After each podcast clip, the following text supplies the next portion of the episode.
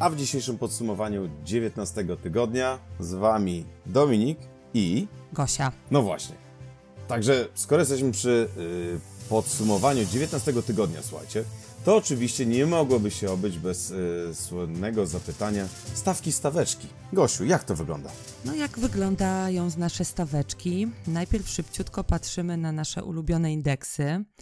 E, Global Container Index, e, Freightos.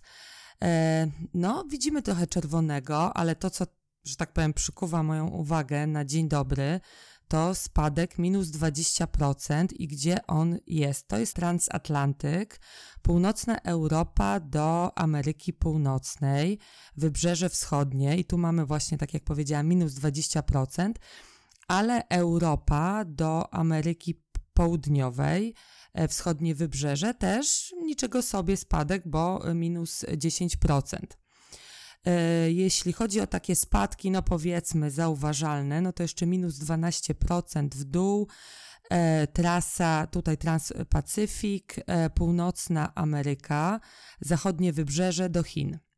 Także to są takie największe spadki, które warto wymienić.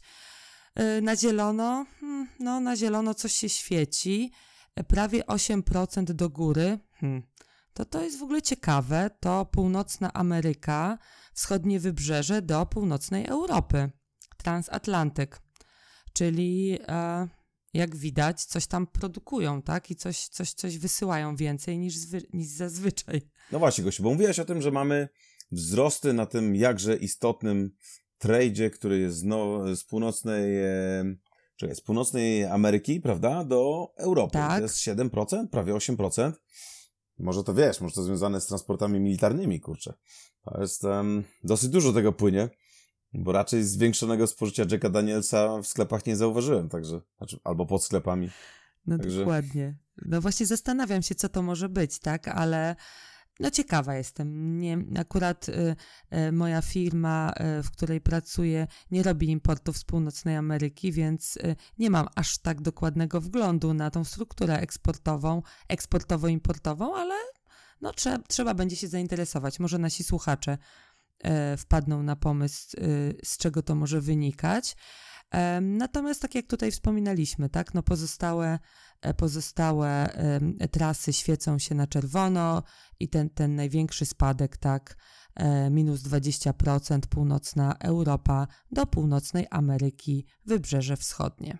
Ale spójrzmy jeszcze na inne indeksy, tak, e, na przykład szanghajski, to jeśli chodzi o te indeksy, no to on bym powiedziała, trzyma się raczej e, na tym samym poziomie od już 17 tygodnia, więc e, tutaj raczej nic się nie dzieje, chociaż jak sobie spojrzę na dokładnie rok temu, na ten sam tydzień, to wow, to taki, to, to, to hmm. widać tę różnicę, bo wtedy było 4100, a obecnie mamy no 999, tak, więc e, no jednak ten spadek jest zauważalny e, przez ten cały rok, tak?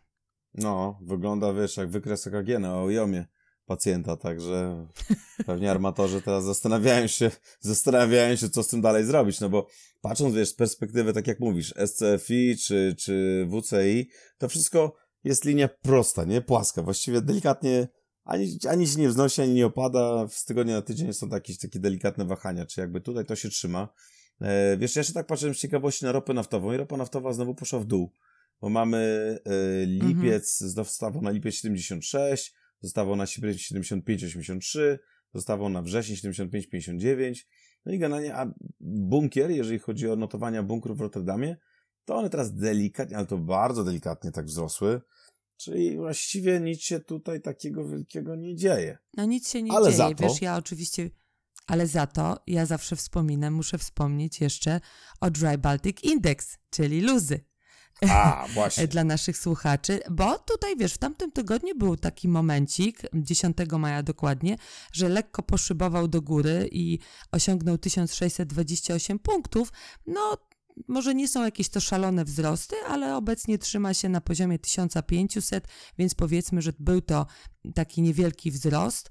Nie wiem, no wiesz, są różne y, takie uwarunkowania tego. Ja nawet znalazłam taką informację od kukurydzy w Brazylii, no. bo nie wiem, czy. Tak, to jest bardzo ciekawa informacja, bo nie wiem, czy wiesz, że e, e, Brazylia, no to jest teraz praktycznie będzie najprawdopodobniej w 2023 roku największym eksporterem e, kukurydzy.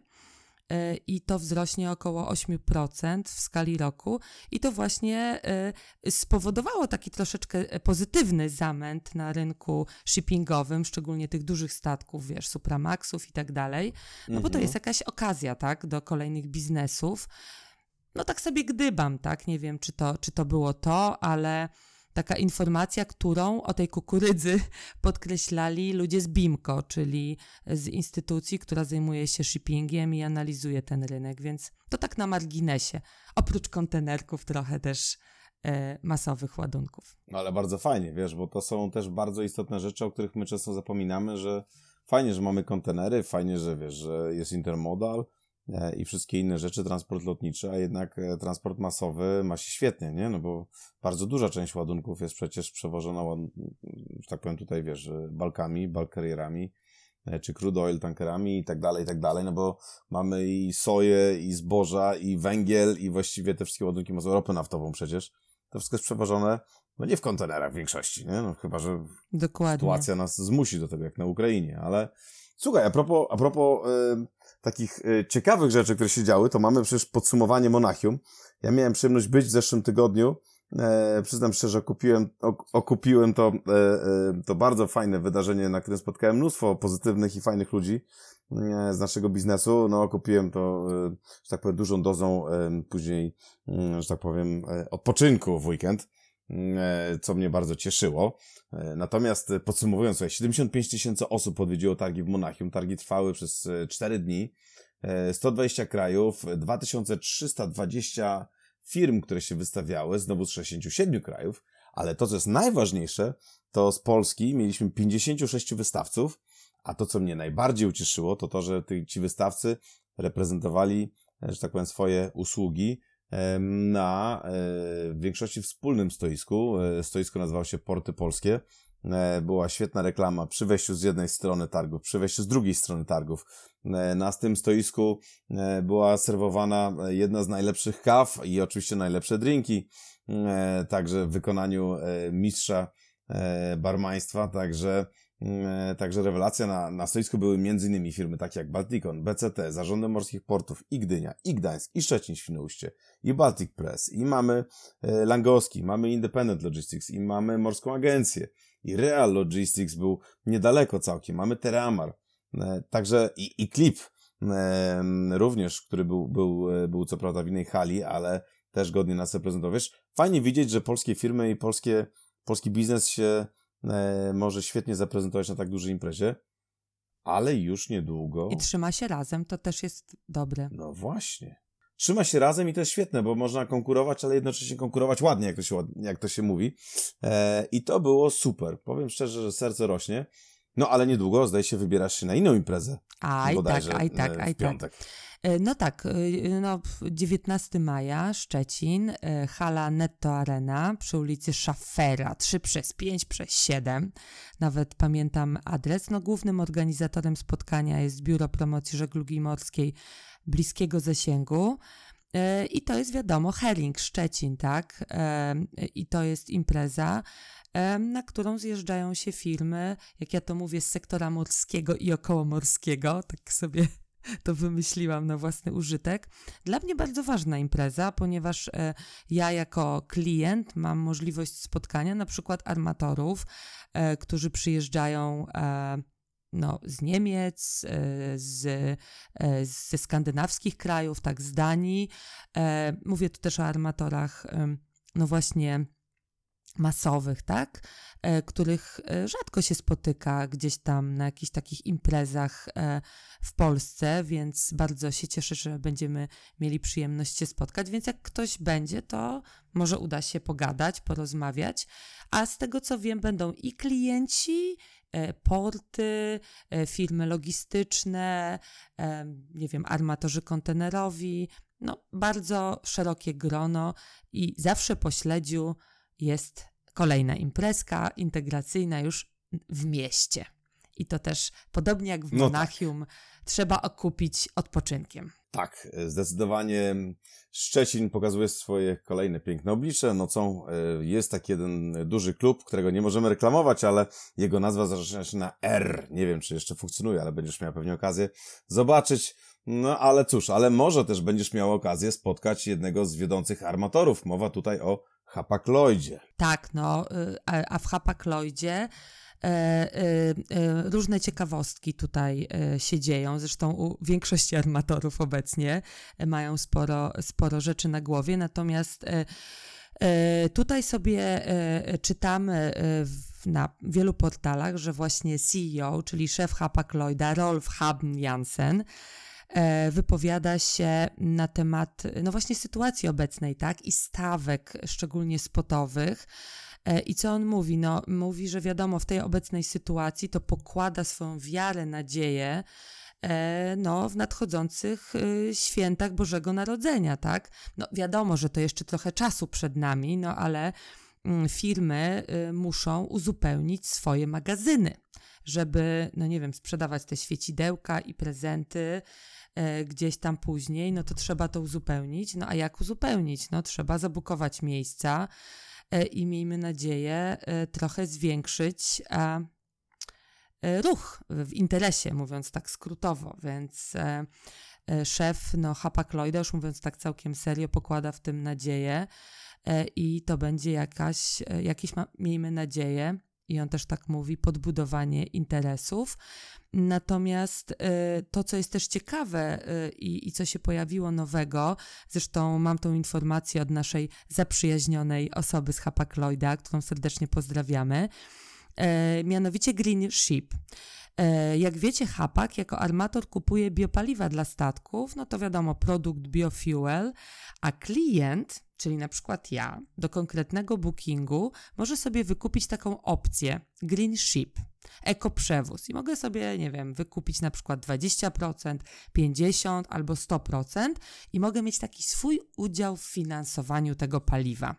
Znaczy możecie zapytać jakby jaka idea temu przyświeca, a mianowicie taka, że ja w ramach tego mogę sobie pokryć y, tak zwany scope 3, czyli y, mogę e, wykorzystać to, e, że tak powiem, odhaczyć sobie, że mam wkład e, w, emisję nie bezpośrednie i poza moją własnością.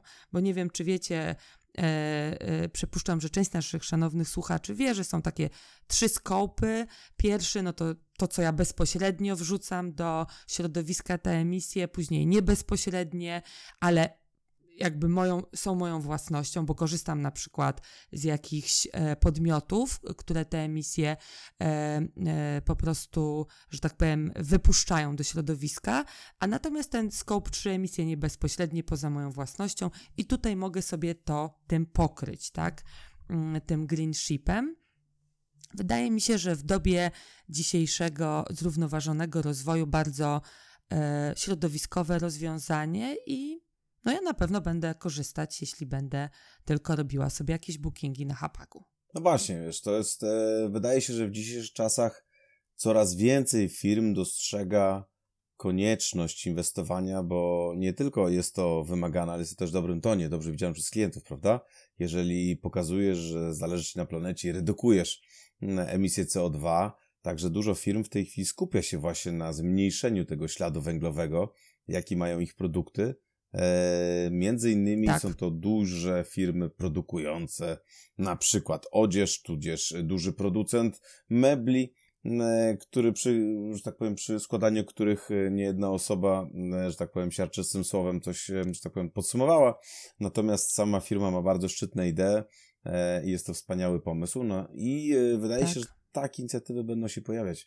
A ja jestem tak, bardzo ciekawy, wie... co, e, co właśnie prezesowi, e, prezesowi Jansonowi e, święty Mikołaj przyniesie pod choinkę. Czy dostanie te swoje wzrosty stawek, czy nie, ale to pewnie zobaczymy. Ale wiesz co, jeszcze tak wspomnę o tym zrównoważonym rozwoju, o którym mówisz, tak szybciutko. Na przykład też armatorzy, którzy wystawiają faktury mm, no nie wiem, za, za przewozy masowe, też już na fakturze podają dokładnie, na jakim poziomie ta emisja była, tak? Bo my, jako kupujący ten przewóz, ten frakt, chcemy wiedzieć, tak? Bo właśnie dbamy o to środowisko i wybieramy armatorów, którzy działają prośrodowiskowo.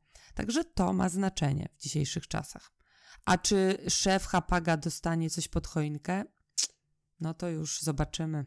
Albo będą to skarpetki, albo sweter, albo podwyżki frachtów, także wiesz. Nie wiem za co trzymać kciuki.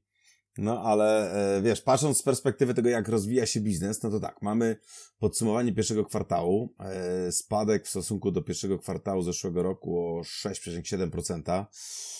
O, co tak na razie wygląda jak wygląda, ale tak jak sobie patrzyliśmy, wiesz, e, wspólnie, e, to tak, mamy Intercontinental spadek o 7,1, Intra-Regional, czyli powiedzmy te e, przewozy, da, dajmy na to w ramach Europy, czy w ramach, w ramach Dalekiego Wschodu, tutaj mamy minus 6,1. I teraz to, co mnie, wiesz, zastanawia, to tak, mamy mm, statystyki, które pokazują, że wygląda sytuacja, no, nieciekawie, bo jednak jest o spadek. Z drugiej strony, płyną pierwsze sygnały i ty mamy z CTS-a na przykład y, za marzec 2023, że tutaj y, ponoć, jeżeli chodzi o, o, że tak powiem, o wolumeny, one powinny powoli się troszkę, y, że tak powiem, hamować. To znaczy, wolumeny powinny przestać spadać. O, powinny w końcu zacząć odzyskiwać. Mamy też taką taką analizę bodajże z Ameryki Północnej, która pokazuje, że w marcu bodajże wolumen był minus 31,8% w stosunku do marca zeszłego roku. To potężny spadek, zobacz, to jest jedna trzecia, nie? Potężny. I później przewidywanie jest takie, że na koniec roku powinno być tylko minus 3% w stosunku do, do, tego, co, e, do tego, co było w zeszłym roku, także... Czyli optymizmem wieje. Czy to znaczy, że będzie większy wolumen? Hmm. No właśnie. Optymizmem wieje, ale wiesz, no optymizmem maksymalnym, tylko nie wiem, czy z tego się cieszyć, czy, czy płakać. Wieje y, w tradzie, w wymianie handlowej między Chiną a Rosją, bo tutaj y, to powiem Ci, że aż zanotowano 41,3% wzrostu y, rok do roku, tutaj mówimy, w porównaniu właśnie do kwietnia zeszłego roku eksport z Chin do Rosji wzrósł, uwaga, 67%, sam eksport. Natomiast import 24,8%, e, więc zobacz, jakie to są olbrzymie wzrosty. E, natomiast e, no taki, taka ciekawostka, jak tutaj, nie wiem, może ktoś się tym e, zainteresuje, to te wartości też są koszmarnie wysokie, bo cała, cały handel, wartość tego handlu w kwietniu, w samym kwietniu osiągnęła prawie 20 miliardów dolarów. No a przez te powiedzmy 4 miesiące, tak dobrze liczę, 74 praktycznie miliardy dolarów. No wiadomo, to, to jest ciekawe, ale żeby tak, wiesz, trochę e, na nasze tory logistyczne to sprowadzić, zobacz, są jakieś połączenia nowe powstają w ogóle pomiędzy Chinami. 25 lutego, e, nie wiem czy dobrze wymówię, e, Langfang w północno-wschodnich Chinach został, e, że tak powiem, połączony i wyruszył pierwszy pociąg e, stamtąd do Moskwy. 16 marca znowu e, ze stolicy Chin, Pekinu, do Moskwy. Także tutaj akurat się coś dzieje, więc jak widać, gdzieś są spadki, a gdzieś są wzrosty. No wiesz, jeżeli chodzi o, o, o Federację Rosyjską, to tak, utraciła właściwie Większość, e, większość e, przeładunków w portach bałtyckich, e, jeżeli chodzi o kontenery, to tam w ogóle spadek jest dramatyczny, nie? Utraciła dosyć dużą możliwość wysyłki gazu, ropy naftowej no bo ceny spadły, w związku z czym cały wolumen pewnie został przekierowany trochę w inne rejony. No i jednym z głównych kupujących są pewnie Chiny. Chiny, Indie, Brazylia. To co ciekawe, to wychodzi na to, że mm, w tej chwili, wiesz, po prostu widać przeniesienie tego trade'u nie? Z, pomiędzy na przykład Federacją Rosyjską, Unią Europejską, Stanami Zjednoczonymi na właśnie przeniesienie Chiny, Rosja, większą, pewnie w znaczącej mierze są to surowce jakieś tam naturalne, które są, prze, że tak powiem, sprzedawane przez Rosję. No, ale to partnerstwo biznesowe, tak jak mówisz, kwitnie. Kwitnie, kwitnie. No ale wiesz, jak robisz biznes, tak, i e, wymiana handlowa trwa, no to ja na przykład z perspektywy klienta mam pewne trudności często. I wiesz, bardzo często one dotyczą odpraw celnych. I, I to wydaje mi się też jest ważny temat w, naszej, w naszym logistycznym świecie. Czasami powiem Ci szczerze, taki trochę zaniedbywany, niedopieszczany, a uważam, że bardzo ważny, bo czasami można naprawdę popełnić błąd, który będzie, bardzo dużo kosztował. No ale o tym, jak ktoś opowiada, to już na pewno Joanna Porat z AC Porat, która jest wybitnym specjalistą w tej dziedzinie. To może posłuchajmy, co mówi o sobie i o swoim biznesie. Tak jest, to świetny pomysł. Zapraszamy Was na, na krótkie podsumowanie tej rozmowy na, pomiędzy Sebastianem a Asią, mm, właśnie z którego dowiecie się właściwie skąd to się wszystko zaczęło, jak powstała firma Ceporat i skąd ta, że tak powiem, e, fascynacja kontenerami. W dzisiejszym odcinku mam jeszcze e, tutaj przyjemność rozmawiać e, z Joanną Porad. Cześć Asiu. Cześć, witam wszystkich. Myślę, że to będzie taki bardzo zapoznawczy, e, że tak powiem, można powiedzieć wywiad, no bo dołączyliście tutaj do grona e, film, które e, wspierają nasz podcast, bardzo nas cieszy i bardzo dziękuję za zaufanie, którymi nas obdarzyliście. No ale Asiu, może tak na początek, bo chciałbym, żebyśmy sobie przedstawili zarówno Ciebie jako osobę, jak i no, firmę, którą założyłaś i prowadzisz, Jace Porad, no ale zacznijmy od Ciebie. Jakbyś mogła tak troszeczkę powiedzieć o sobie, wiesz, kim jesteś, jak to się stało, że trafiłaś do, do branży, powiedzmy tej, no nie wiem, celnej, można tak powiedzieć. Ja to zawsze mówię y, transportowej, aczkolwiek nie wiem w sumie, jak ty określasz tą branżę. Więc y, jak to się stało, że ta ścieżka życiowa cię poprowadziła tu, gdzie jesteś? Witajcie serdecznie. Dzień dobry. Jako, jako nowy członek i nowy sponsor ETFM y, zdecydowanie chcielibyśmy powiedzieć tym, kim jesteśmy, co robimy i no i odpowiadając na twoje pytanie, jak to się stało, że się znalazłam w branży. E, nie wiem, czy zaskoczę Cię swoją odpowiedzią, ale od dziecka w mojej kuchni, czyli w kuchni mojej mamy obecnie, widok e, był na terminal kontenerowy BCT. Zawsze to był dla mnie taki punkt, w którym wiedziałam, że cokolwiek bym nie robiła e, w życiu, chcę robić coś, żeby mieć wspólnego właśnie z tym miejscem z perspektywy czasu, jak o tym myślę, po prawie, no prawie 40 latach, jeszcze, jeszcze tak daleko nie jest, ale już się zbliża. Myślę, że nie zawsze wszystko trafia akurat na ten terminal kontenerowy, ale rzeczywiście udało mi się powiązać siebie i swoją pasję, swoje doświadczenie właśnie z morzem. W momencie, kiedy wybierałam studia i wszyscy wyjeżdżali gdzieś e, do Warszawy, do Wrocławia, część wyjechała za granicę. U mnie był tylko jeden cel. Ja wiedziałam, że to będzie e, Wyższa Szkoła Morska. Jeszcze wtedy, w momencie, kiedy już składałam dokumenty, to już była Akademia Morska w Gdyni, więc wiedziałam, że będzie to, będzie to bardzo lokalne. Nie będę mieszkała w akademiku, ale wiedziałam, że chcę studiować tematy związane z transportem morskim. Stąd też wybór padł na Wydział Nawigacyjny. E, więc. Mm. Projektowanie portów, cała ta obsługa, e, jeżeli chodzi o stronę lądową, e, nie była mi obca od tej strony bardzo mocno teoretycznej. No i rzeczywiście tutaj z tej strony serdecznie pozdrawiam profesora Grzelakowskiego, który był zawsze promotorem mojej pracy magisterskiej, inżynierskiej i prowadził mnie przez wszystkie tematy transportowe. I on tak e, w rzeczywistości we mnie tego konika transportowego e, przekazał mi go, e, biorąc pod uwagę, ile, ile czasu, ile godzin ile pracy włożyłam w, we wszystkie te prace, które z nim pisałam. Z perspektywy czasu, kiedy spotykamy się teraz na konferencjach, tak zawsze mówię, że takim jestem trochę jego dzieckiem, z racji tego, że on też ma córkę.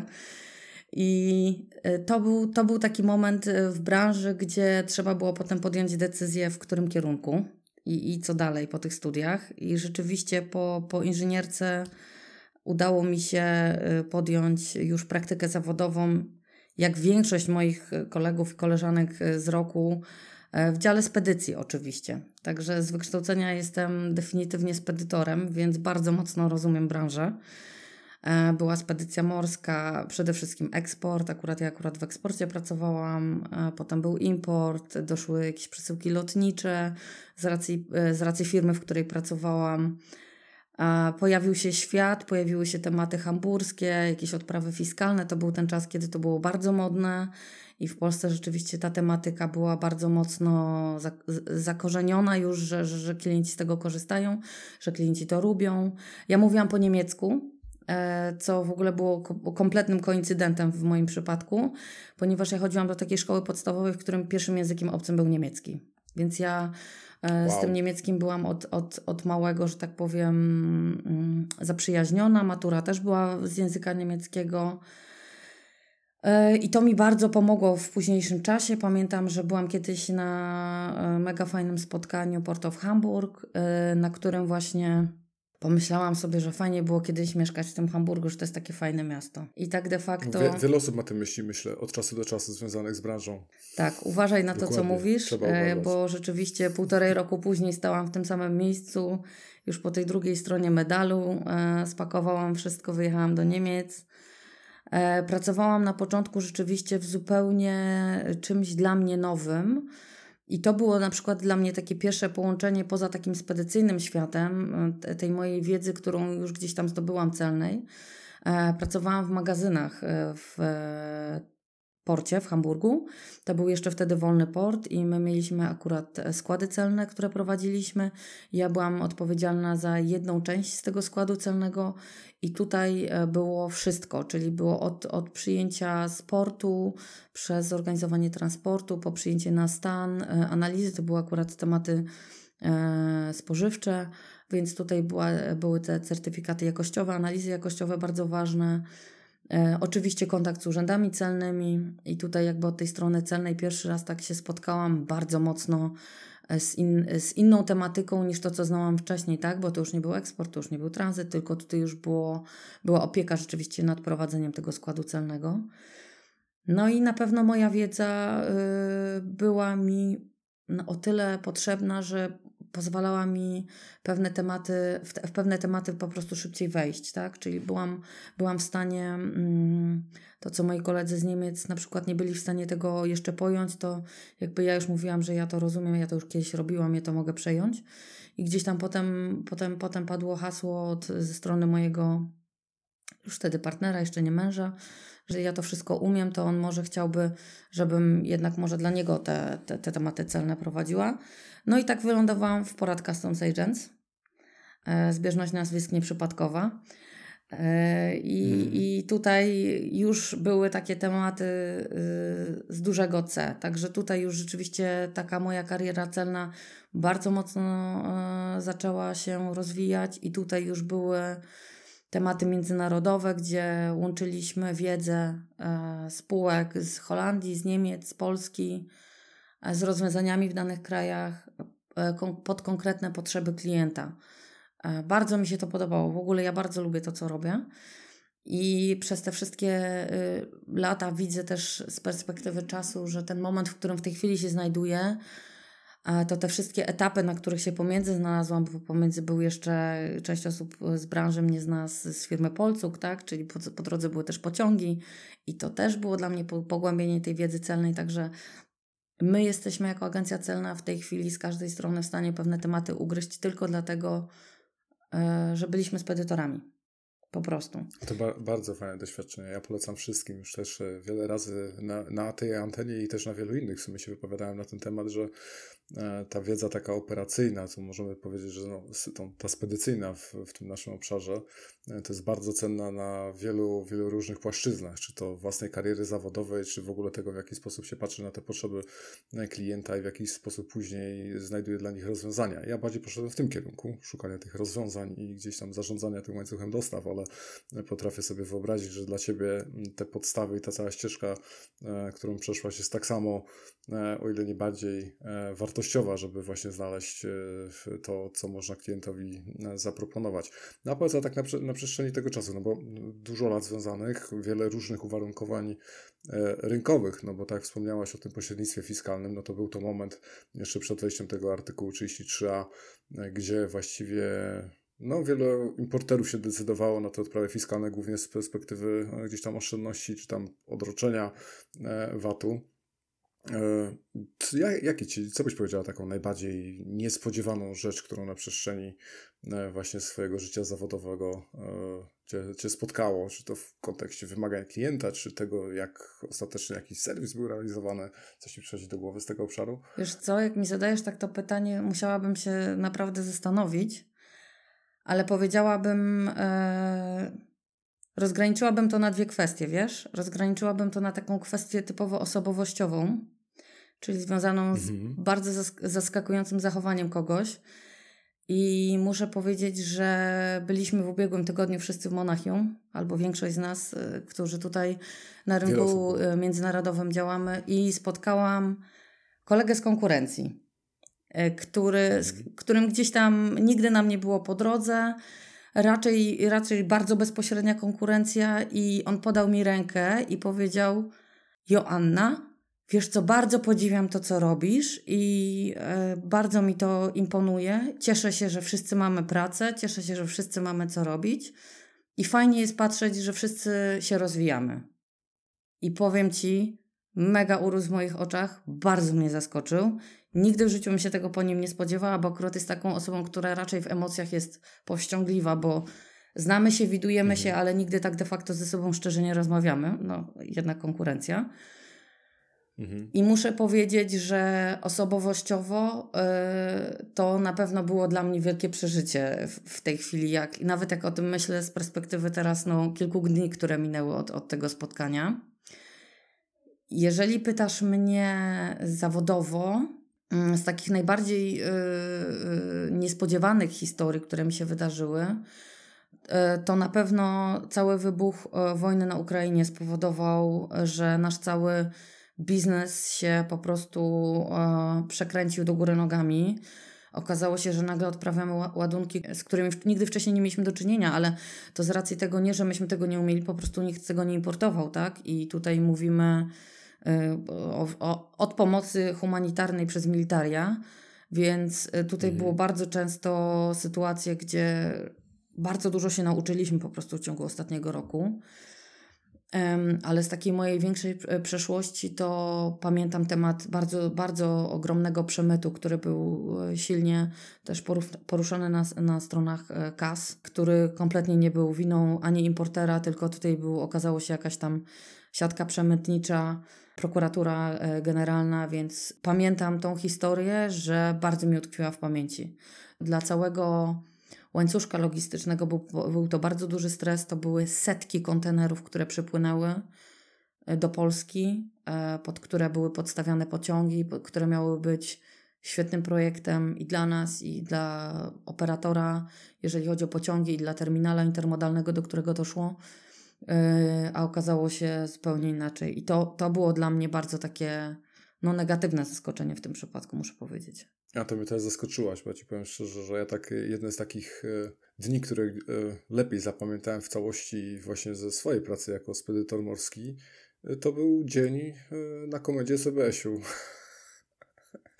i tłumaczenie panu e, oficerowi, jak działa transport morski i dlaczego ja nie miałem nic wspólnego z tymi papierosami, które były za tymi pieluszkami w tym kontenerze. Tak, tak w skrócie, nie? Tak pamiętam, że też dosyć mocno to przeżyłem. To teraz, Sebastian, wyobraź sobie, że te wszystkie kontenery jakby były zapakowane tymi papierosami, mm. a tam miały być pieluszki. Tutaj był zupełnie. E, to no, był tragiczny to, temat. Wiem, że du dużo emocji, także zaskoczyłaś mnie tą odpowiedzią, ale wcale się nie dziwię, że, że to zapamiętałaś, bo to, no, też taką pojedynczą wspomnienie mam e, ze swoich doświadczeń właśnie w tym obszarze.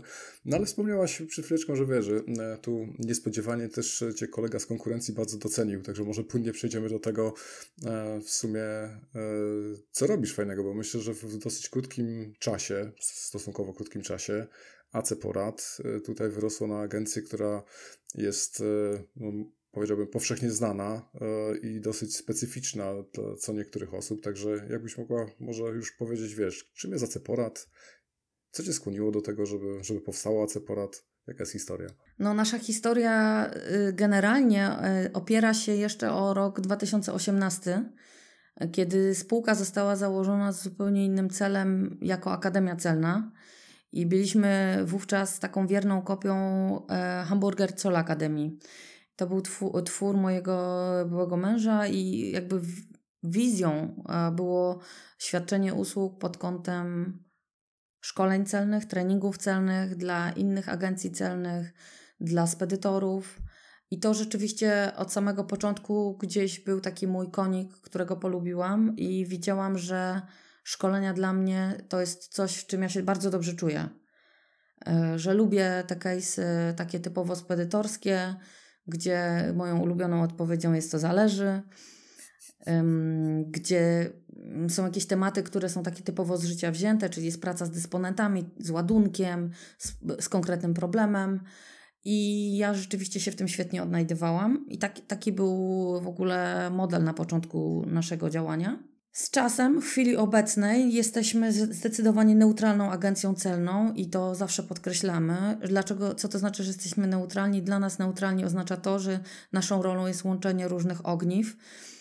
Nie robimy transportów, nie robimy spedycji. Możemy zorganizować dla klientów z zagranicy ewentualnie przeładunek z kontenera na plandekę i na tym się kończy nasza, że tak powiem, działalność spedycyjna.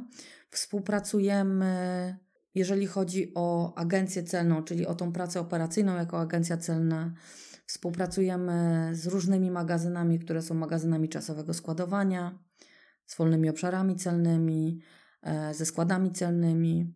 I tutaj naszą rolą jest albo prowadzenie tych składów, albo tylko i wyłącznie e, obsługa ładunków naszych klientów, które, którzy, które się tam znajdują.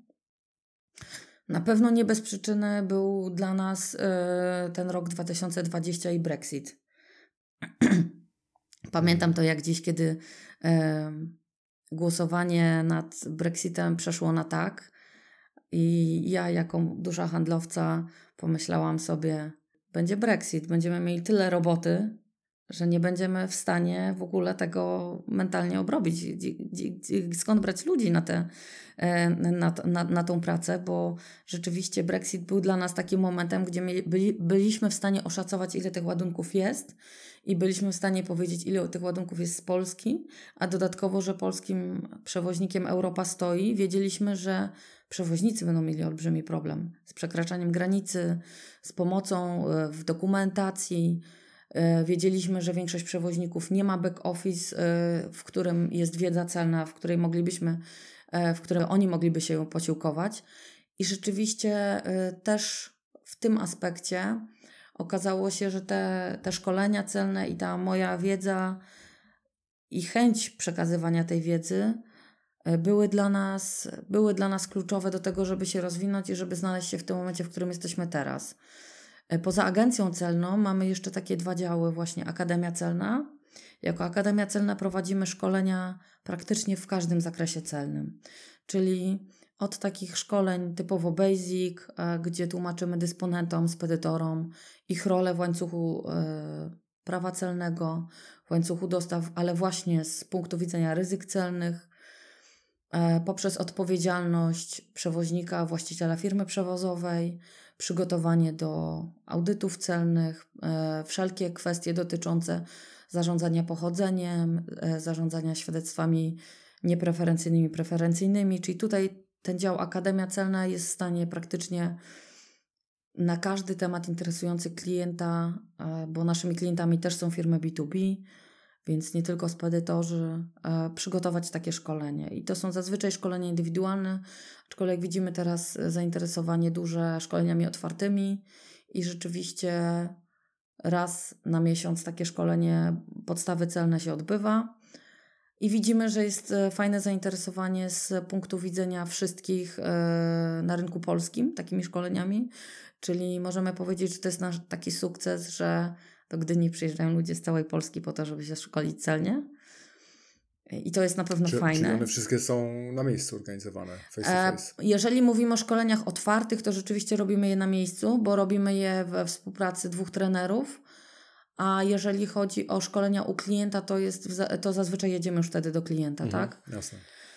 No i takim trzecim tematem to jest ten audyt celny, czyli to są te magazyny, o których wspom e, wspomniałam, czyli zazwyczaj audyt celny polega na tym, że posiadacz e, magazynu bez żadnego statusu celnego chciałby posiadać magazyn czasowego składowania albo skład celny i wówczas przyjeżdżamy my, oglądamy sobie technicznie daną lokalizację, przygotowujemy dla klienta i merytorycznie wniosek, przygotowujemy klienta finansowo, przygotowujemy go pod kątem kadrowym, jeżeli mówimy o wprowadzeniu procedur i taki komplet wniosku i przygotowaną firmę przeprowadzamy przez audyt celny i tutaj już w zależności do dowolności, jak klient chce współpracować, czy mamy go też reprezentować przed organami celnymi, czy on już chce dalej taki temat e, przygotowywać w ramach własnej działalności. E, też prowadzimy te składy celne albo po prostu pomagamy mu w wyborze podwykonawcy.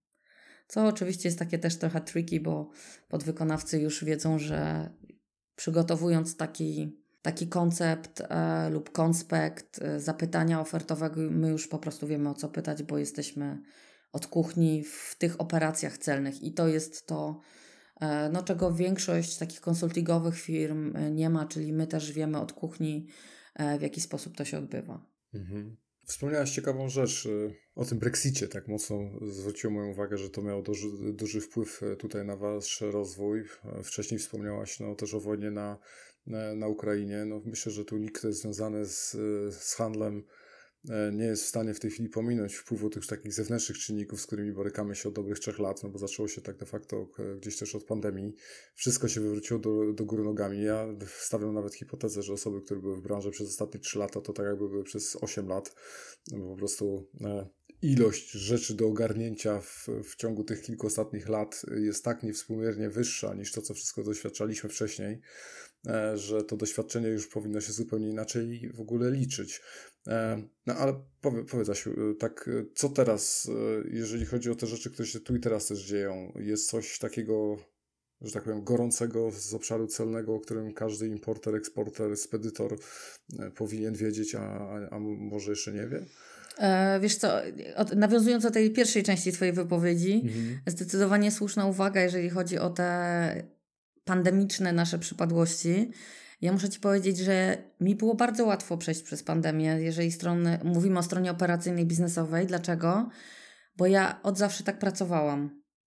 Ja od mhm. zawsze miałam zespoły zdalne. E, pracując w poprzedniej firmie, headquarter Hamburg, e, biura Bremerhaven, Frankfurt Lotnisko, Gdynia, Bielsko-Biała, Zamość, Rotterdam.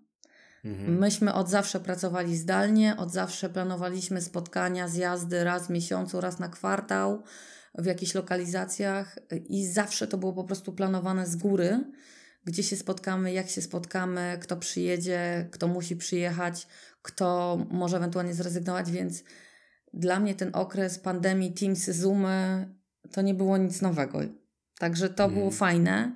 I tak, Brexit rzeczywiście był dla nas takim momentem, gdzie wiesz co, my wiedzieliśmy, że konkurencja nie ma czasu, żeby się tym zająć, a my mieliśmy jeszcze wolne moce przerobowe, żeby poświęcić na to e, kilka osób, które rzeczywiście niczym innym się nie zajmowały, tylko studiowaniem tego, w jaki sposób to operacyjnie e, realizować. I, to, i, to, I to było rzeczywiście dla nas taki learning by doing, ale mieliśmy na to bardzo dużo czasu. Jeżeli mówimy o drugiej części Twojej wypowiedzi, e, o tym, co się teraz dzieje takiego w ramach odpraw celnych, no słuchaj, nie zapominajmy, że my jesteśmy tak de facto w tej chwili w połowie okresu przejściowego, zgodnie z rozporządzeniem Unijnego Kodeksu Celnego, który mówi o tym, do kiedy mamy wprowadzić wszystkie systemy teleinformatyczne. Czyli mamy rozporządzenie, które unijny kodeks celny, na bazie którego my wszyscy funkcjonujemy jako agencje celne. I ten, y, ten dokument mówi o tym, że wszyscy mamy komunikować ze służbami celnymi w sposób teleinformatyczny, ale nie mówi jak. Rozporządzenia wykonawcze i delegowane też o tym nie mówią jak. I to pozostaje wolne w rękach kompetencji państw członkowskich, w jaki sposób one to wprowadzą. I unijny kodeks celny określa, pewne kwestie są do 2025, pewne kwestie do 2023 były, więc my w większości państw członkowskich przechodzimy takimi etapami. Tak? Jeżeli wiemy, że jest um, okres przejściowy do 2023 na, pewien, na pewne kwestie, to rzeczywiście gdzieś tam dopiero na jesieni zaczynamy to testować, czy to rzeczywiście tak funkcjonuje, jak to miało funkcjonować. Ale z racji tego, że rzeczywiście Unia nam nie narzuca, w jaki sposób mamy to zrobić. Są pewne kraje członkowskie, które przechodzą do tych znowelizowanych systemów teleinformatycznych dużo wcześniej. I właśnie tutaj takim najbardziej w tej chwili tematem gorącym w obszarze odpraw celnych to jest przejście z systemu NCTS 2 na system NCTS 5, gdzie w Unii już jesteśmy w tej chwili podzieleni. E, część z krajów w ogóle ominęła okres przejściowy i przeszła, przeszła po prostu na system NCTS 5 a część została jeszcze w starym systemie. Oczywiście, przechodząc z jednego systemu do drugiego, już nie jesteśmy ze sobą kompatybilni i nie możemy już pewnych rzeczy zrobić w starych systemach, więc yy, ten zawód agenta celnego stał się bardzo taki, taki IT, muszę powiedzieć, mm -hmm. tak? Bo my komunikujemy z urzędami, z urzędami za pomocą komunikatów. E, my generujemy jakieś, jakieś numery dla urzędów celnych, które są też tylko komunikatami w systemach, czyli my tak de facto bardzo dużo komunikujemy w tych systemach, w algorytmach i musimy je rozumieć. Musimy rozumieć też naszą pracę, więc poza taką pracą stricte administracyjną, papierową, którą e, Państwo wszyscy widzicie i e, klienci są w stanie przetransponować na swoje przeładunki i załadunki, wyładunki, to my jeszcze mamy właśnie bardzo dużo tej pracy związanej z działalnością IT. E, I tutaj też mm, mamy update wszystkich systemów, jeżeli mówimy o Polsce, update systemów celnych, tych naszych lokalnych, czyli system AES do, do eksportu, system AIS do importu. I tutaj regularnie też mamy szkolenia w tym zakresie, że zostaną wprowadzane pewne nowe pola, pewne e, rzeczy będą przeprowadzane w zupełnie inny sposób, czyli to nie jest taki zawód, e, gdzie my jesteśmy, jak ja to zawsze w cudzysłowie mówię, gotowi, tylko rzeczywiście cały czas jesteśmy, jesteśmy update'owani i to nie jest tylko tak, że, że ten update jest tylko w Polsce, tylko rzeczywiście czy w Niemczech, czy w Holandii tak samo uruchamiane są nowe procedury, nowe pola i nowe kwestie dotyczące samych zgłoszeń celnych w tych systemach teleinformatycznych. Ogromny obszar. Potrafię sobie wyobrazić, że koordynacja tych wdrożeń, czy też przejścia, to, a właściwie jej brak koordynacji, to, to w niczym nie pomaga. Ja ostatnio też na jakiejś konferencji słuchałem właśnie dosyć dużo o systemach finansowych, które są w dużej mierze jeszcze w latach 70. I, i jakie wyzwania to tworzy też właśnie takie informatyczne, także tu jeszcze pewnie ogrom pracy przed nami. No, wy jesteście w dosyć też chyba niecodziennym miejscu, jeżeli chodzi o E, ten obszar działania, bo, bo to nie jest przecież tylko Polska, także faktycznie macie tę styczność też z innymi, e, z innymi krajami, odprawami, nie wiem, gdzieś w Niemczech, w Holandii, gdzie, gdzie jeszcze w sumie te usługi świadczycie w tej chwili? Tak, w zasadzie operacyjnie e, operujemy na terenie wszystkich granic Unii Europejskiej, czyli od, od Irlandii przez Skandynawię, e, Ukrainę, Serbię, Czarnogórę mhm. i tutaj porty południowe, Triest, Koper, Gioia Tauro, Pireus, tutaj wszędzie jesteśmy w stanie obsłużyć klienta pod kątem celnym. Mhm. To, wydaje mi się to też bardzo ciekawą propozycją handlową dla firm, które gdzieś potrzebują tej obsługi e, na trochę szerszym e, rynku, e, gdzie potrafię sobie wyobrazić, że też procesy można sobie inaczej zupełnie ułożyć, jak się ma jednego partnera do obsługi celnej, niezależnie czy to są przesyłki, które wchodzą nie wiem, w Antwerpii, w Hamburgu, w Polsce, czy gdzieś właśnie, nie wiem, na Słowenii. Także Asiu, ja jestem bardzo ciekawy, jakie będą następne, nasze następne nagrania i wierzę właśnie gorąco, że, że z tych obszarów celnych, których u nas na antenie brakowało, e, te punkty, które są takie najbardziej e, zasadne do omówienia, e, będziemy sobie wspólnie omawiać w nadchodzących e, odcinkach. E, no a dzisiaj e, bardzo Ci dziękuję i za to, że, że no, postan dołączyć tutaj i, i za tą chęć w ogóle szerzenia tej wiedzy i dzielenia się nią e, na antenie, bo to myślę, że to mamy taką wspólną misję, którą fajnie, że będziemy teraz razem realizować. Także dzięki bardzo. Dziękujemy ślicznie za zaproszenie i oczywiście zapraszamy wszystkich słuchaczy do tak, do pytania, do wrzucania jakichś case'ów, które chcielibyście omówić. Może, może Wy będziecie mieli z drugiej strony jakieś pytania, którymi chcielibyście też, ta, też nas e, zainspirować. Ja z chęcią do każdego takiego case'u się przygotuję. Dziękuję jeszcze raz. No, to już teraz jestem podbudowany, słuchaj. E, ja też od dziecka widziałem e, morze z okna i e, o ile, powiedzmy, wiesz, jak to, jak to usłyszysz w pewnej znanej telewizji państwowej, to brzmi śmiesznie, o tyle tym przypadku jest to bardzo budujące, bo jednak e, bardzo dużo przechodzi e, z tego, co, e, z tego, co wszczepią rodzice, z tego, w czym żyjesz, prawda? I z tej fascynacji w młodości na przykład pewnymi rzeczami. I na przykład została fascynacja statkami. I tak mam do dzisiaj. Tak, a, ja, a moja fascynacja statkami też się wzięła stąd właśnie, że ja y, znałam bardzo dużo ludzi morza i zawsze sobie myślałam, że chciałabym mieć do czynienia z czymś, co powoduje, że oni mają w sobie taki duży spokój. I nie wiem, czy ty to zauważasz, ale ludzie, którzy pracują przy morzu, z morzem, szeroko pojętym biznesem morskim, mają taki, takie ciepło i taki spokój w sobie. Tak jest, to fakt. Także pozdrawiamy wszystkich ludzi morza i mamy nadzieję, że będą mogli e, częściej być w domu. Natomiast, e, wiesz, patrząc na wyniki, jakie są podawane w tej chwili, jeżeli chodzi o, jak to się ładnie mówi, schedule reliability, on faktycznie idzie do góry, prawda? I ty mamy znaczące wzrosty, no, znaczące y, w stosunku do tego, co widzieliśmy w czasach pandemii i troszkę po niej, kiedy cały świat borykał się z kongestiami. E, w tej chwili, powiedzmy, mamy tutaj na czele i dla mnie największą niespodzianką jest tak, mamy oczej. Mersk bardzo często stawiał to sobie za, za jeden z, że tak powiem, ze swoich e, najistotniejszych E, jak to się ładnie mówi, KPI, więc e, nie dziwi, że są na, na, na pierwszym miejscu 63% w tej chwili, wzrost e, w tym kwartale w stosunku do poprzedniego kwartału o 4-3%. Ale to, co mnie zadziwiło, to druga pozycja znanego i lubianego armatora MSC, ponieważ armator MSC z reguły plasował się troszeczkę niżej tutaj, powiedzmy, w tych, w tych notowaniach. Dość powiedzieć, że kwartał pierwszy 22 miał wynik 32% statków na czas, czyli to trzeci. No nie był tutaj wyjątkowy, to był całkiem niezły wynik w tym czasie. Natomiast y, można powiedzieć, że wzrósł do, o 30 ponad procent w stosunku y, do tego, do tego wyniku do 63%. Także no, szapoba, koleżanki i koledzy z MSC, szacun. Ale pytanie właśnie, Gosiu, ty jesteś osobą, która jest bezpośrednio klientem. Czy ty widzisz jakby znaczący wzrost tego schedule liability w swoim normalnym, wiesz, biznesowym życiu. Znaczy, jeśli chodzi o moje, jak to mówisz, normalne biznesowe życie, jeżeli mam być szczera, ja tego za bardzo nie zauważam.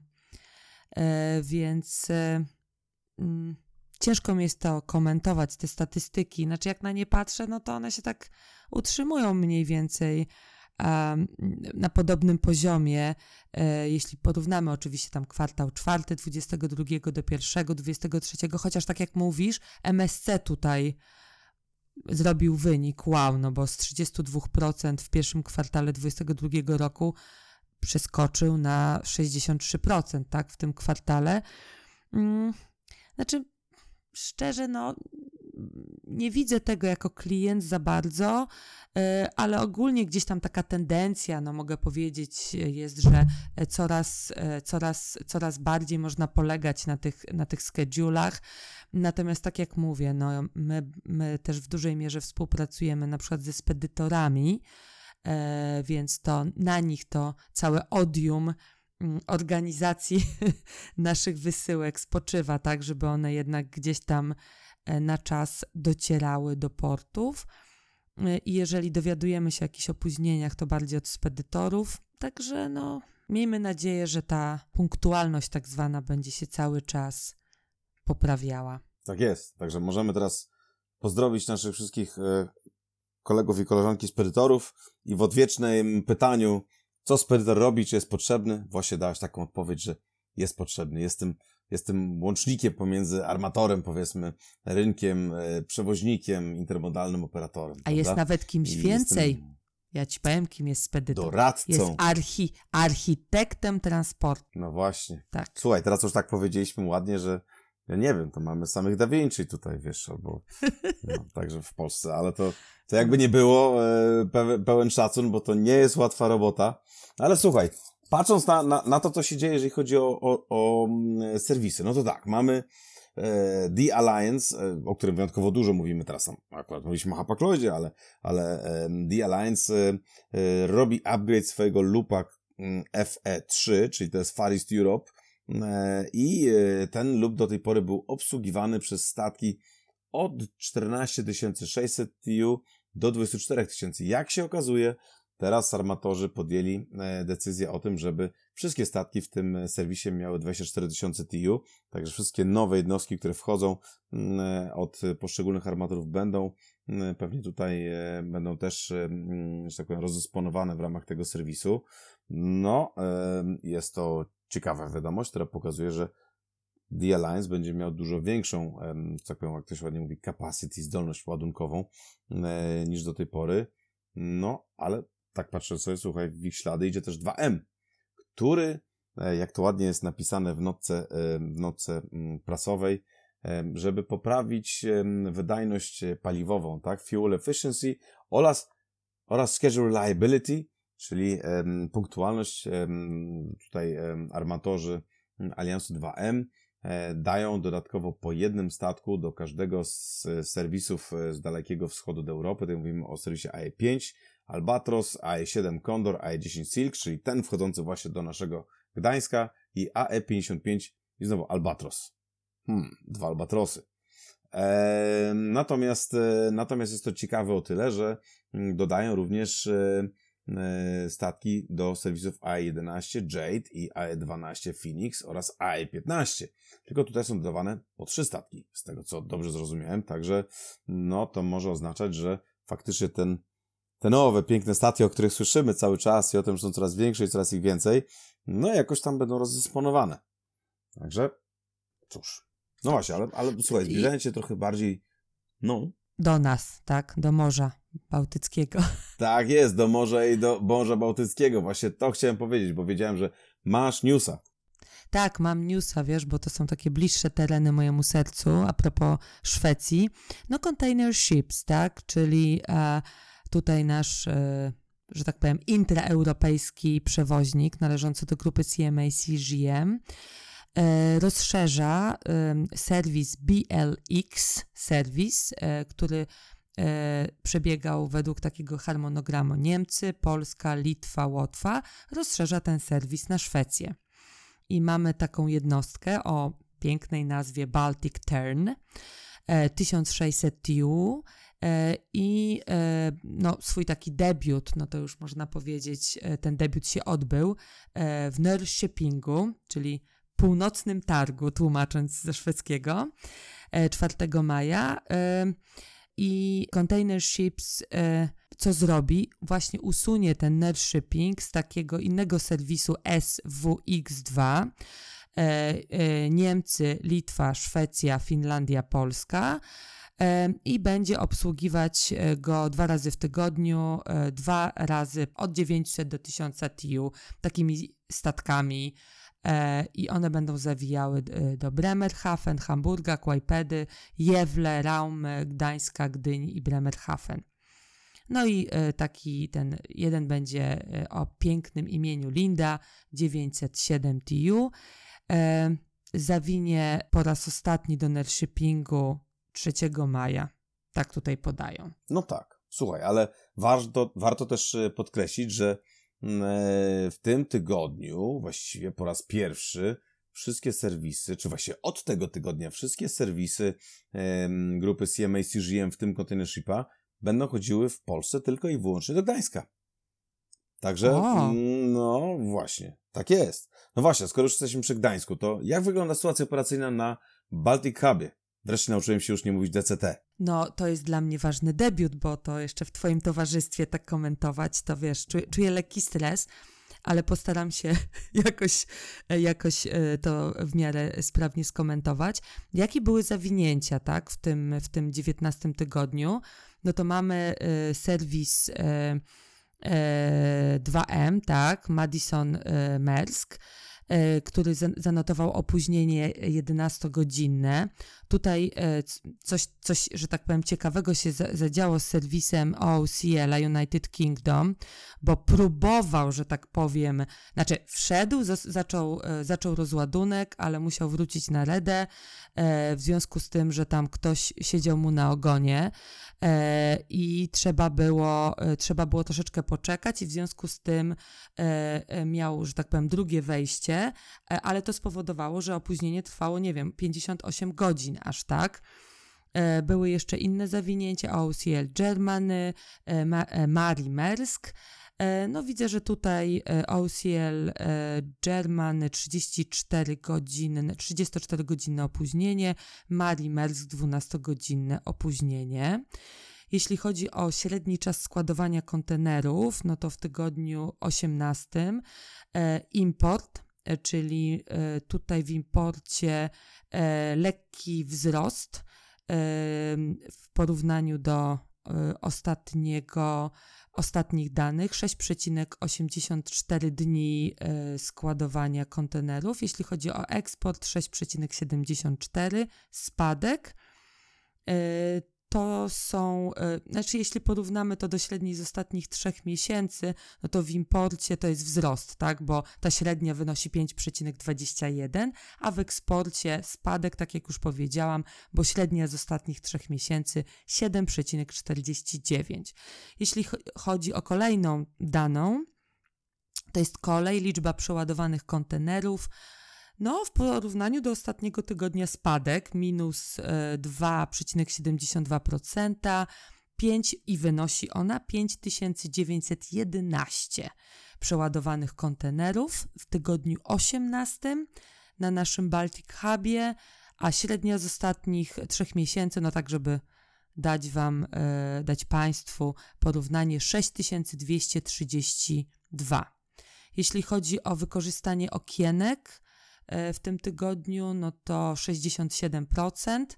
No i średni czas obsługi ciężarówki 36 minut, czyli dosyć szybko, czy, czy, czy nie? Tak, czy myślę, że, myślę, że tak. Słuchaj, to się nazywa debiut. Wiesz, to wow. się nazywa debiut. Poszło ci świetnie. Um, słuchaj, ale, ale wiesz, ale ja tak patrzę sobie, bo e, oczywiście mamy statki, które wychodzą ze stoczni, ale możemy się na tym, że tak powiem, tutaj e, e rozwodzić. E, nie ma rekordowo wielkiego statku, o dziwo, to nie w tym tygodniu. Natomiast statków trochę ze stoczni wychodzi i wychodzić będzie jeszcze przez cały następny rok i półtora roku. Mm, ale słuchaj, wiadomość z ostatniej chwili można powiedzieć. Rząd Republiki Federalnej Niemiec wydał zgodę na zakup 24,9% akcji e, terminala położonego w Hamburgu, to jest e, Tollerort e, Container Terminal, tak, czyli CTT, który jest najmniejszym z czterech terminali w porcie Hamburg. Przez wiele miesięcy właściwie temat pojawił się. Chińczycy chcą kupić port, Chińczycy kupują Hamburg, Hamburg chiński, będą jedli, wiesz, ryż pałeczkami, etc., etc. A mowa była tylko o zakupie jednej czwartej, niecałej nawet udziałów w najmniejszym terminalu. Także w zeszłym tygodniu wiadomość obiegła świat e, i e, na, mm, na konferencji, mm, tak powiem, zorganizowanej też w trakcie, e, w trakcie targów w Monachium ta informacja została podana, więc możemy przeciąć węzeł spekulacji. Jest zgoda. No tak, ale wiesz, słuchaj, patrząc też z perspektywy linii żuglowych, bo tak troszeczkę powiedzieliśmy o tym, że wolumeny wyglądają jak wyglądają, przychody wyglądają jak wyglądają, no ale Mersk jako ten najbardziej transparentny, mm, ponieważ e, najczęściej właściwie widzimy jakieś wyniki finansowe e, prezentowane e, przez Merska, też z uwagi na wymagania giełdowe. No leci w dół. No tak, znaczy przychody faktycznie tutaj nie są nie są właściwie pokazane, ale mamy tak, mamy net profit, czyli, e, czyli zysk, e, spadł za e, pierwszy kwartał tego roku do 2,3 miliarda. cóż, co zrobić, nie? Jak się słyszy o takich pieniądzach, ale spadł z 6,8 miliarda rok wcześniej, także jest to trzykrotny spadek, jakby nie było. Tak, ale, ale tak jak Czyli... E, CEO e, Hapaga już tutaj przytaczany udziela wywiadów, to też szef Merska udziela i z tego, co ja ostatnio słyszałam, no to on jak najbardziej tego się spodziewa. Bardzo duży nacisk y, cały czas kładzie właśnie na rozwój, znaczy ten zrównoważony rozwój. I on mówi o tym ewidentnie, tak, że spadki będą w zyskach, ale to, co tam gdzieś w skarpecie mają, chcą po prostu przeznaczyć na, na zrównoważony rozwój. Także tu akurat ja im kibicuję, bo uważam, że to, to jest dobra inwestycja w, i w paliwa, biopaliwa, i no, w różne rozwiązania, tak, które będą sprzyjały e, naszemu środowisku. No a Ziemia jest jedna, więc może jestem trochę naiwna w tym wszystkim, ale, ale uważam, że, że, że, że, że takiej naiwności potrzebujemy w dzisiejszych czasach. Absolutnie się z tobą zgadzam, wiesz. I przyznam szczerze, chciałbym mieć takie skarpety jak prezes Merska, czy inni prezesi linii żeglugowych, żeby znaleźć w nich tyle gotowy, nie? No, zobacz, mamy, mamy tutaj informacje o, o, o, o tym, e, o inwestycjach, a e, właściwie tutaj gruchnęła też wiadomość o tym, że grupa CMA CGM, która znana jest z wielu, z wielu tutaj można powiedzieć przejęć, a no, potwierdziła chęć zakupu Bolloré nie wiem, czy dobrze czytam, ale to, mm, to chyba tak e, z francuska, Bolloré. E, z tego co pamiętam, to MSC kupiło Bolloré Afryka e, za jedyne 5,7 miliarda euro w roku 2022. No i zdaje się, że w tej chwili CMA również chciałby wykupić, wykupić, że tak powiem, pozostałość Bolloré no, e, wcześniej kupił Siva Logistics w 2019 roku za 1,4 miliarda euro. No, także w tej chwili, jeżeli się, czytając oczywiście doniesienia prasowe, jeżeli e, CMA CGM Grupa już z Siva kupi e, Bolloré Logistics, to to będzie oznaczało, że mm, grupa będzie piątym największym graczem w globalnej logistyce. Hmm. No, to robi wrażenie, powiem szczerze, nie? Od samolotów, no, wiesz, które były mówione. Słuchaj, to, to, to hmm. tak na zakończenie, y, bo nie, nie mogę się powiesz, powstrzymać, żeby o tym nie powiedzieć. To robi takie wrażenie, że aż wyobraź sobie, ziemia się zatrzęsła w sobotę, 13 maja na Bornholmie. Y, nie wiem, czy, czy słyszałeś o tym. Takie, nie wiem, czy to jest optymistyczne zakończenie rozmowy, ale E, ale trzęsienie ziemi e, wstrząsnęło mieszkańcami Bornholmu mm, i tam nawet jakieś, e, i nawet właśnie w porcie, to taki jest mały port, Nexu, silosy drżały, wibrowały okna, ściany, no, oczywiście nie było żadnych ofiar, tak, ale e, ci specjaliści od służby geologicznej nawet stwierdzili 2,3 w skali Richtera magnitudę wstrząsów. I to jest ciekawe, bo nikt nie wie skąd te trzęsienia się wzięły. Jakieś są takie domniemania, że może nawet jest związek tych wstrząsów z ćwiczeniami wojskowymi, które odbywają się w Polsce, ale to jest w ogóle ciekawe, tak? No, ma to związek też z jakimiś e, utrudnieniami w porcie Nexu. Więc powiedzmy, że, że tak. logistyczny aspekt jest. Natomiast to takie ciekawe. Słuchaj, może jakiś, wiesz, jakiś e, troll ze staroszwedzkich legend się obudził, czy właściwie norweskich, skandynawskich. Wiesz, e, gdzieś tam się przebudza. Ale cóż, my tu o trollach, a generalnie dobijamy już do takiego czasu, e, w którym nasi słuchacze dojeżdżają do pracy, o ile słuchają nas dojść do pracy. Mamy nadzieję, że spędzicie z nami miło ten czas i myślę, że możemy już, tak powiem, powiedzieć bardzo Wam dziękujemy za uwagę. Bardzo dziękujemy za uwagę i miłego dnia, miłej nocy. Wszystko zależy od tego, kto nas kiedy słucha. Tak jest. Dziękujemy Wam bardzo i do usłyszenia. Do usłyszenia.